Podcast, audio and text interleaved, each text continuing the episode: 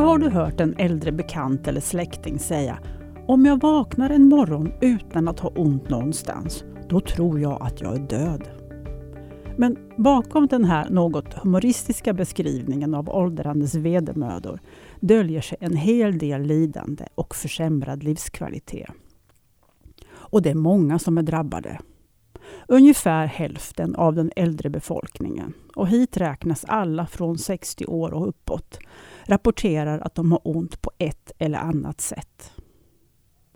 Så i dagens podd ska vi prata om smärta i den åldrande befolkningen.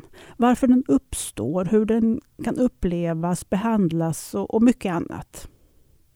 Och till min hjälp har jag bjudit in Lena Sandin Wranker som är smärtläkare och forskare inom geriatrik, det vill säga äldreforskning vid Lunds universitet och Skånes universitetssjukhus.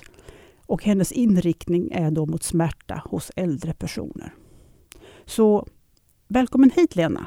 Tack! Jag ska börja med en generell fråga. Måste det göra ont att bli gammal? Nej, det där är en villfarelse. Det ska inte behöva göra ont, men tyvärr är det ju ändå så att det gör det för väldigt många. Mm. Eh, men vad är det då för typ av smärta man upplever? Var, var, var är det vanligast att ha ont? Det vanligaste är ju att det gör ont ifrån den muskuloskeletala apparaten som vi kallar det, alltså muskler, senor och skelett.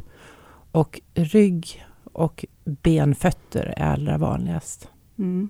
Men om vi ska ta, och, ta det från början här. Vad är smärta? Kan du förklara det? Smärta är ju någonting helt eh, personligt. Eh, det beror alldeles på vad du har varit med om tidigare i livet, både hur du uppfattar det och hur starkt du uppfattar det och framförallt kanske hur hotfullt du upplever smärtan. Mm. Men har smärtan någon funktion? Är det bra till någonting då? Ja, smärta är jättebra.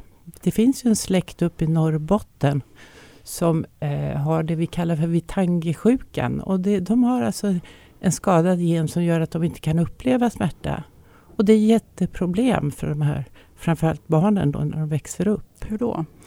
Eh, eftersom de inte känner smärta så skadar de sig så det blir jätteproblem och även om man försöker skydda dem med olika former av hjälpmedel så räcker inte det utan de får alltså kontrakturer i leder och vad menar du med kontrakturer? Att, att de har skadat sig så de får blödningar och så stelnar leden i felaktiga positioner. Mm. Men egentligen så, om jag tolkar det rätt, smärta är egentligen en varningssignal om att någonting är fel eller att man har liksom antingen allt från att man tar en kokhet platta till att mm. något är skadat i kroppen eller? Är det så ja, det funkar? Det, mm. det, det är en överlevnadsmekanism som vi har. Så egentligen ska vi vara glada för den, men så går det ju snett ibland när det mm. blir en långvarig smärta. Mm. Men då, jag antar att den här bra smärtan, så att säga, det är kanske akut smärta då. Så hur funkar det? Man har skadat sig någonstans och vad händer sen? Det gör ont? Ja, då får du en smärtsignal upp och då eh, rent reflexmässigt så försöker vi ta bort eh, det vi har skadat eh, som du sa nyss, alltså, lägger du handen på en varm platta, det där hinner vi inte ens tänka, det är reflexer. Utan då rycker vi bort den innan vi ens vet om att det gjorde ont. Mm. Men eh, om vi till exempel har brutit en arm så drar vi den till oss och så försöker vi hålla den så stilla det bara går. För att skydda den mot mer skada. Okej, okay, så att man får kroppsskada eller något sånt så, så förstår man att någonting är fel. Jag ska försöka få vård, få det åtgärdat och så vidare. Och sen ska, när det är åtgärdat så ska smärtan försvinna då. Mm. Mm. Och, och, det här som jag säger att vi drar till exempel då armen in till oss för att hålla den stilla. Det här beteendet bekräftar vi i sjukvården. Så när man då söker akutmottagningen så sätter vi på ett gips för att det ska vara alldeles stilla. Och så i den bästa av världar då så läker det här på 6-8 veckor. Så när man tar bort gipset och börjar röra på armen igen så ska allt återgå till det normala. Mm. Men vid den långvariga smärtan så även om skadan läker så ibland börjar smärtan leva ett eget liv. Och det kan vi inte påverka själva. Men alltså varför går det inte över? Alltså, varför uppstår långvarig smärta? För det känns som att den är så onödig. Jo, eh, men som jag säger, där någonstans så, så börjar alltså smärtan leva ett eget liv. Och vad menar du med det? Liksom, kan, vad händer? Ja, man, man, kan inte påverka det utan de här smärtupplevelserna, signalerna upp till, hjärtan, upp till hjärnan att det gör ont, de fortgår trots att skadan är läkt. Mm. Okay. Och, och, och, samtidigt så aktiverar ju det här mycket annat hos oss. För eh, vi är ju egentligen stenåldersmänniskor så vi ska ju fly eller slåss eh, när det gör ont. Så det drar igång så mycket med förhöjd puls, höjt blodtryck eh, och många sådana här faktorer för att vi ska vara redo att antingen fly eller slåss. Men i längden, eftersom smärtan fortgår, är ju inte det här någonting som är bra att gå med. Okej okay då, så att, så att ehm, um, jag tolka som att det här liksom fortsätter. Kan man säga att det blir någon sorts liksom ny upptrampad stig som inte borde vara där? Att man liksom skapar smärt, aktiverar eller skapar nya smärtbanor som ja. inte kan gå tillbaka eller något sånt? Eh, alltså ungefär så brukar jag förklara för patienten att de, de, det här har öppnats en motorväg och det här är alltså inne på ryggmärgsnivå. Eh, och, och även om det går, det går alltid att göra det bättre. Men, men det är viktigt att de talar om när någonting händer och kommer till sjukvården att jag är egentligen en smärtpatient. Eh, därför att om de inte får hjälp snabbt när någonting nytt händer så är risken stor att de, de öppnar den här motorvägen igen och så får de börja om från början. Okay. Så, så mm. egentligen det vi jobbar med brukar jag beskriva som att vi ska försöka sätta upp sådana här betongsuggor för att få ner farten. Mm, ja, men det var en bra, det var en bra liknelse. Eh, men som sagt, det verkar som att vi får mer ont ju äldre vi blir. Så vad är det som händer i den här åldrande kroppen som gör att, att vi får mer ont? Vet man det? Ja, det var väl egentligen en ganska svår fråga. Men eh, det är klart, alltså, vår kropp har ju varit med om mer. Och, och, vissa saker som till exempel artrosutveckling och sånt, det vet vi ju att det ökar med stigande ålder. Sen kan vi ju få smärta av andra orsaker. Eh, du kan ju till exempel få nervsmärta efter en stroke och sånt. Det där är ju inte heller så vanligt när vi är unga. Okej, okay, så man, man, man drar på sig en massa skador som på något sätt leder till detta då? Nej, det är ju inte nödvändigt. Nej, nej, man ska inte ha ont när nej, man blir gammal, men risken ökar ju. Okay. Fibromyalgi det ansågs länge som en hittepådiagnos, men det är det ju inte, utan det är ju accepterat. Vad är fibromyalgi? Ja, fibromyalgi är ett eh, smärttillstånd som är absolut vanligast hos kvinnor, men det finns män. Eh, man har i princip ont i hela kroppen och man brukar kunna beskriva det som att det svider, det värker, det bränner. Ibland kan det vara så svårt så att man kanske inte ens eh, klarar att ha en t-shirt på sig för sömmarna skaver. Eh, så det, det, finns olika svårighetsgrader i det också. Till viss del är det genetiskt betingat där risken naturligtvis är mycket större om till exempel en mamma och en syster redan har utvecklat det.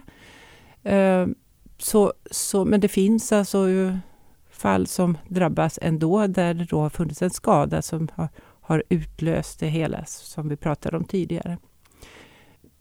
Det, det flyttar ofta på sig också. Eh, vilket gör att många kan tycka att så här kan det ju inte vara. Jag kan ju inte ens berätta det här för doktorn. Han tror jag är tokig. Att eh, på morgonen gör ont på utsidan på låret och, och på eftermiddagen så är det värst i armen. Men så är det. Det flyttar på sig och det kan vara mycket besvärligt. Hur mäter man smärta? Finns det något objektivt sätt att mäta det på? Eller hur, hur, hur gör man?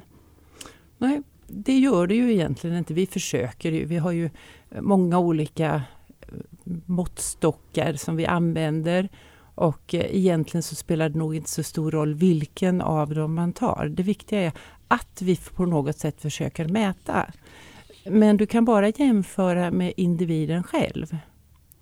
Du kan inte säga att om någon skattar på en sån här 10 cm lång linjal, om den skattar 5, så kan du inte säga att en annan som skattar 7, att, att den har mer ont. Utan det är en helt individuell upplevelse. För det beror på vad du har varit med om tidigare i livet. Mm -hmm, intressant. Så det finns liksom ingen sån där, man kan inte ta ett blodprov och säga att du har så här ont. Det, det finns inte? Nej, inte än. Men det ligger i pipeline på forskningen. Jaha, jätteintressant. Ja, så Ja. jag hoppas att det kan komma inom några år. För det Ja. skulle ju underlätta betydligt till exempel för distriktsläkarna. Ja. Både att kunna ta ett blodprov och se att patienten har ont, men också ett blodprov för att se hur stark smärtan är. Mm. Jätteintressant. Men, men eh, det ligger i pipeline. ja, ja, ja, då får vi hålla Mm. tummarna att det kommer snart här. Men som sagt, det, det är ju då en individuell upplevelse och det har att göra med vad man har varit med om. Och man brukar prata om olika faktorer, då, biologiska, sociala, psykologiska faktorer som inverkar på det här. Kan du förklara vad det innebär, med de här faktorerna och kanske ge konkreta exempel?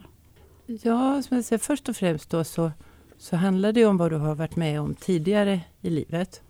Så, eh, så det, det är ju liksom ja, ditt, ditt minne av eh, smärta. Men sen också så är det ju så här att om du har det väldigt eh, hotfullt runt omkring dig, du kanske inte vet riktigt hur du ska klara din försörjning, det kanske är problem med bostaden och så vidare. Då, då ökar det också på därför att då har du en oro som liksom driver på det du upplever. Och sen det sociala så har du ett, ett bra socialt liv, eh, du känner sammanhang i, i, i tillvaron, så är det en, en stödjande effekt för dig. Men om det också är dåligt så, så är risken stor att det istället accelererar smärtan. Och tyvärr är det ju många som hamnar i den här dåliga spiralen. Så de får ett eh, allt mindre umgänge med vänner och ibland förlorar de ju familjen till och med. De har dålig ekonomi därför att de kan inte jobba för de har så ont. Och ibland som jag säger, så kan ju då till och med det här med bostad vara hotat. Och jag tänker att bara det att något så enkelt som att om man helt plötsligt börjar fokusera på någonting så kan man ju kanske glömma att man har ont för ett tag. Ja, precis. Och, och det går alltså att, att hitta sådana här kanaler som kanske kan hjälpa dig om smärtan är på väg upp. Eh, Att du kan tänka på någonting som är väldigt eh, avslappnande, skönt, där du känner dig lugn och trygg. Så faktiskt kanske du kan vända det och, och få Mm. det att stanna på en femma istället för att springa upp på en sjua. Mm. 2016 så disputerade du med en avhandling då om smärta. Och, men du tittade också då på könsskillnader i den äldre befolkningen. Och du såg en del skillnader mellan kvinnor och män. Vad såg du? Berätta. Ja, eh, det är ju totalt sett ungefär 50 procent som har eh, smärta i den äldre befolkningen. Men det är betydligt fler kvinnor än män. Så kvinnorna närmar sig 65 procent medan männen är kanske 35 procent. Så, så där finns en klar könsskillnad även i de äldre grupperna. Det var ju intressant. Finns det liksom någon förklaring till varför eller åtminstone någon hypotes? Eller? Ja, alltså, eh, det är ju samma som för den yngre generationen. Att det här kanske både är hormonellt betingat och eh, lite av vårt beteende som kanske gör att kvinnan blir mer utsatt för det här. Så att det, det, har, det, det är faktiskt så att man upplever, män upplever mindre smärta. Det är inte så att man på något sätt tänker sig att det här får man tåla, så att man rapporterar inte smärtan. Där kan det vara någon sorts machobeteende bakom. Ja, eh, lite de tankegångarna var jag ju själv inne på i avhandlingen. När man såg också då att ungefär 50 procent av männen inte fick någon behandling överhuvudtaget. Eh, men det visade sig att kvinnorna får, eller upplever en betydligt sämre livskvalitet av att ha långvarig smärta än vad männen gör. För, för dem är det viktigast att få sova. Och ibland är det ju så att smärtan gör att de inte sover. Men smärtan kan de liksom leva med, men inte att inte sova. Så Och- det är därför det är det som de pratar om. Okej, så m- männen upplever problem med sömnen medan kvinnor i större utsträckning har problem med smärta då, upplevelse av smärta. Ehm, Eller? Alltså ja, vad det gäller deras livskvalitet. För samtidigt är det så att kvinnor äter mer sömntabletter än vad män gör. Men, så, men, så de söker mycket för det. Alltså kvinnorna söker mer vård. mm, Så är det också. mm. Har vi lättare att få prata om det, kanske. Men, men bara för att liksom sammanfatta det här. Men då är det ändå så att kvinnor upplever, eller de, deras livskvalitet påverkas mer av smärtproblematik. Medan männens livskvalitet påverkas mer av sömnproblem. Yep. Så kan man säga. Men det här med, med sömn och, och, smärta. Finns, det finns väl någon koppling mellan det eller vad, vad vet man om det? Jo, det är ju jättemånga som sover dåligt därför att de har ont. Och så när de väl har somnat så vaknar de därför att nu gör det ont och de måste byta ställning och ibland måste de upp och så vidare. Så sömnen blir ju naturligtvis påverkad och det här är ju oerhört angeläget att vi jobbar med den biten. Därför bara av att ha en långvarig smärta så är du kroniskt trött. Eh, för hjärnan som vi startade vårt samtal här så är ju smärta en överlevnadsfaktor och därför prioriterar hjärnan smärta som prio ett. Så den håller hela tiden på och jobbar med det här även om vi fokuserar på annat. Och, och, det gör att du blir trött. Och det kan du inte sova bort. Men om du då dessutom inte sover på nätterna utan du är utvakad också så är ju det ingen bra kombination. Utan kan till och med göra att du upplever smärtan värre. Kan man säga någonting om vad är hönan och vad är ägget? Jag tänker att, att man kan ju ha sömnproblem av helt andra orsaker och inte smärta. Men om man då har smört, sömnproblem, kan det då leda till att man helt plötsligt får smärtproblem också? Eller hur? Nej, de kopplingarna skulle ja. jag nog inte våga Nej. dra. Men, men överhuvudtaget, det här är ju inget bra det heller. Att inte sova på nätterna. Mm. Så, så det finns ju ganska mycket som man faktiskt kan göra för att försöka sova bättre. Mm. Som sagt, vi började med frågan om man måste ha ont när man blir gammal. Och du svarade nej på det. Men Många äldre tror då kanske att smärta att det hör till åldrandet och de kanske inte vill söka för de vill inte vara till besvär eller något sånt. Men när tycker du att man ska söka vård för sina smärtproblem? Ja, när man upplever att smärtan verkligen påverkar livskvaliteten. Då, eller egentligen, från början så ska du söka för att se om det går att göra någonting åt det. Kanske helst innan det blir en långvarig smärta. Eh, men, men sen handlar det om hur mycket det påverkar din livskvalitet om du ska söka vård eller inte. För man ska veta att det, det kan alltid bli bättre. Det finns många saker förutom mediciner, för det, det, ska vi ju vara återhållsamma med eftersom vi vet att för varje år vi blir äldre så funkar lever och njurar sämre. Och så kanske vi behöver andra mediciner för blodtryck och, och hjärtsvikt och all, diabetes, allt som händer oss. Så, så vi ska vara återhållsamma med medicinerna, får inte ställa till det. Men det finns ändå så mycket annat man kan göra. Men vad, vad kan man göra mer då? Först så ska man alltså ta hjälp, tycker jag, av en fysioterapeut som kan ge en råd hur man ska försöka träna. Och så får du lyssna på din kropp. Det här vi också startade med att prata om Eh, den akuta skadan som man försöker hålla stilla och vi satte på gipset.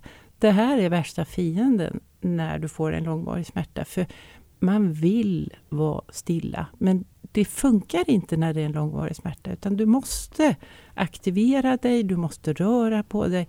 Men sen däremot hur och hur mycket, där kan man ju behöva hjälp av en fysioterapeut. Så man gör, tränar på rätt saker för att kunna upprätthålla de funktioner man behöver för att klara till exempel att bo kvar hemma. Du mm. måste kunna gå i trappan, du måste kunna gå ut till postlådan, du kanske måste kunna ta dig till affären. Och då är det precis det som du ska träna på. Så, så det är alltså jätteviktigt att göra rätt saker. Men sen är det också det, du behöver äta ordentligt, du behöver sova ordentligt. Så det är många faktorer här som, som kan göra att du upplever att det blir väldigt mycket bättre. Mm. Men och som sagt, fysisk aktivitet brukar ju rekommenderas i alla sammanhang. kan nästan sägas vara en universalmedicin. Men det finns ju också någonting som heter rörelserädsla som just de här patienterna upplever. Vad... Ja, och, och, det gör egentligen alla som får en, en långvarig smärta mer eller mindre. Och det gäller alltså att ta tag i den och försöka överbrygga det här. Eh, för man är ju rädd att man ska ställa till det värre, att man ska få mer ont. Eh, men problemet är ju att du spänner dig och det påverkar också balansen. Och ju äldre vi blir, ju större är ju risken att vi faktiskt går och ramlar. Och det är ju jättefarligt att hamna på sjukhus med en bruten lårbenshals. Eller. Så därför, gör dig tid, jobba med de här sakerna. Be fysioterapeuten ge dig övningar. Du ska, inte göra, du ska inte bara göra det när du är hos fysioterapeuten. Den ska visa dig och sen ska du göra det hemma, helst flera gånger om dagen. Mm. I din avhandling så, så, så, skriver du också där att, att uh, ju äldre man blir, desto här, mindre smärta rapporterar man. Så det verkar som att man har mer ont. De yngre äldre verkar ha mer ont än de äldre äldre. Stämmer det och vad, hur kan man förklara det? Ja, så ser det faktiskt ut. Men, men problemet där är sannolikt så att när vi är 60-65 så tycker vi inte det är okej okay om vi har så ont så vi inte kan sitta på golvet och leka med barnbarnen. Eh, men när du är 85 så kanske du är nöjd om barnbarnet kryper upp i knät till dig. Eh, så, så man har en, en mer, större acceptans för det man själv inte kan. Eh, men sen handlar det naturligtvis också mycket om hur vi tänker. Så ett, ett exempel jag också brukar ta för mina patienter det är mormor som är jätteledsen och tycker hon är värdelös som mormor. För nu kan inte hon åka pulka med barnbarnet för hon har så ont i ryggen. Och då brukar jag fråga hur gammalt barnbarnet är. Och då visar det sig att den har ju fått några år på nacken. Och då är jag så krass så jag ställer henne för fait accompli och frågar Tror du inte att den tycker att det är pinigt att mormor åker pulka? Ja, alltså så hade hon ju inte tänkt. Nej, för jag sa, vad vill den egentligen? Vill den inte att du ska stå och titta när den åker pulka? Och då brukar de ju hålla med. Så, så, och då plötsligt klarar man ju sin funktion som mormor, för titta kan hon ju, även om hon inte kan sitta mm. på en mm. pulka. Och det har ju betydelse för hennes självkänsla, vilket i sin tur sen också påverkar hur hon upplever sin smärta. Så, så man kanske ska tänka att man kanske kan fortsätta att göra de saker man gillar, man, man kanske ska göra dem på ett annat sätt då? Ja, ja. Och, och det här är jättesvårt att ändra våra beteenden, så därför när man väl är inne på en smärtklinik så är det ju väldigt tajt samarbete mellan oss som läkare, psykologerna, fysioterapeuterna, arbetsterapeuterna inte minst, för att de ska få till en aktivitetsreglering. Det är inte okej okay att man en dag när man tycker att man är ganska pigg far upp och putsar alla fönstren. Ah, du kanske ska putsa ett. Men då ofta så istället så blir det ett bakslag och så nästa dag har du så ont så du kan inte stiga upp ur sängen. Och, och man ser liksom inte kopplingen att det berodde på att jag putsade alla fönstren igår. Så, så eh, det här att göra lagom är också viktigt. Mm. Man ska liksom bromsa sig själv men det är inte alltid så lätt. För har man en bra dag så kanske man vill passa på. Ja, mm. tyvärr är det så. Eh, du är ju också medförfattare till en bok eh, om långvarig smärta ur ett vårdande perspektiv, heter boken. Mm. Och du har skrivit flera kapitel i den, och bland annat ett kapitel om kulturella aspekter. Och, och, precis som vi har nämnt flera gånger här tidigare så är ju smärtupplevelsen en individuell upplevelse som styrs av vad man har varit med om tidigare. Och då borde ju de här kulturella aspekterna i patientmötet vara väldigt viktiga. Vad, vad är dina erfarenheter? Vad har du att berätta om där? Ja, med de demografiska förändringar vi har i samhället så är det ju så att idag har vi cirka 20 procent som är utlandsfödda varav en del eh, är i behov av tolk, vilket gör det ännu svårare för patienten som är sjuk och har ont och sitter redan i underläge och så ska man behöva kommunicera genom en tredje person.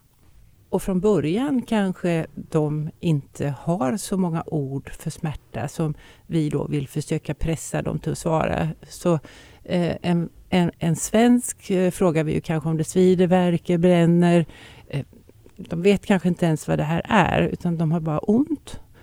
Där har vi en sån där kulturell skillnad som man behöver ta hänsyn till. Eh, det kan också vara viktigt att tänka på läkemedel. Eh, det är ju oftast gris i sådana här gelatinkapslar. Eh, då kanske det inte är så lämpligt för vissa grupper att få just den medicinen. Eller så kanske vi har ett tredosförfarande när det är Ramadan det går inte heller. Så Vad menar du med tredosförfarande? Eh, att, att man ska ha medicin eh, tre gånger om dagen, morgon, ah. middag, kväll. Okay. Och eftersom de har fasta under Ramadan så, så, så kan de inte ta medicin. Så, så det gäller alltså att, att fråga. För eh, vi ska ju jobba enligt eh, de här etiska reglerna vi har. Det, att, att inte skada, att göra gått, det, det tror jag de flesta sjukvårdspersonal skriver under på. Men det här med autonomiprincipen, att det alltid är patienten som bestämmer. Och då är vi ju skyldiga att informera patienten så den kan göra ett klokt val. Det glömmer många bort. Men det här då, som jag säger, till exempel med medicinerna. Föreslå, om du inte själv kan, eh, de kulturella skillnaderna. Och om patienten då säger nej, ja men då kan ni tillsammans försöka jobba fram ett förslag som blir bra. Istället för att bara skriva ut någonting som sen hamnar i skåpet och så begriper du inte varför det inte blir bättre till nästa gång ni ses. Det hjälper ju inte någon. Patienten är besviken. Det kostar bara pengar med medicinburkar i skåpen. Så, så här, där är mycket vi kan göra. Så hänsyn, eh, respekt oavsett vem det är. Men bästa sättet att lära sig att jobba med det här det är också lite att fundera på hur du själv reagerar i olika möten. För det gör vi ju. Som doktorer är vi inte heller mer än människor utan vissa människor väcker omedelbart sympati och empati. Och med andra människor så kanske vi till och med kan uppleva lite rädsla och då, då är det viktigt att veta vad är det hos den här individen som väcker de här känslorna hos mig för att du ska kunna gå förbi dem och fungera som en så bra doktor eller sköterska eller vilken profession det nu än är i mötet. För det här är vårt jobb. Det låter jättespännande och jag kan inte låta bli att tänka på att vi ska precis eh, publicera, släppa en annan podd som handlar om medicinsk humaniora och jag tycker att det touchar lite grann det där. Så att eh, Eh, det kan ju vara bra för våra lyssnare, kanske lyssna på den podden också. Det här låter ju superintressant och vi skulle kunna prata om det här hur länge som helst, men jag tänker att det börjar bli dags att avrunda och då undrar jag, du som smärtläkare som har jobbat med det här väldigt länge och har stor erfarenhet. Är det något liksom medskick du vill skicka med till våra lyssnare? Ja, det kan alltid bli bättre. Det låter fantastiskt och låter som ett mycket bra avslut på den här podden. Tack Lena Sandin Wrankel, smärtläkare och forskare inom geriatrik vid Lunds universitet och Skånes universitetssjukhus för att du ville komma hit och dela med dig av din kunskap. Tack! Och du som har lyssnat, du har lyssnat på en podd från Vetenskap och hälsa. Fler poddar och fler intressanta artiklar hittar du på vetenskaphalsa.se. Och vi som har jobbat med den här podden är Patrik Jävert, vår ljudtekniker och själv heter jag Eva Bartomek. Tack för att ni har lyssnat.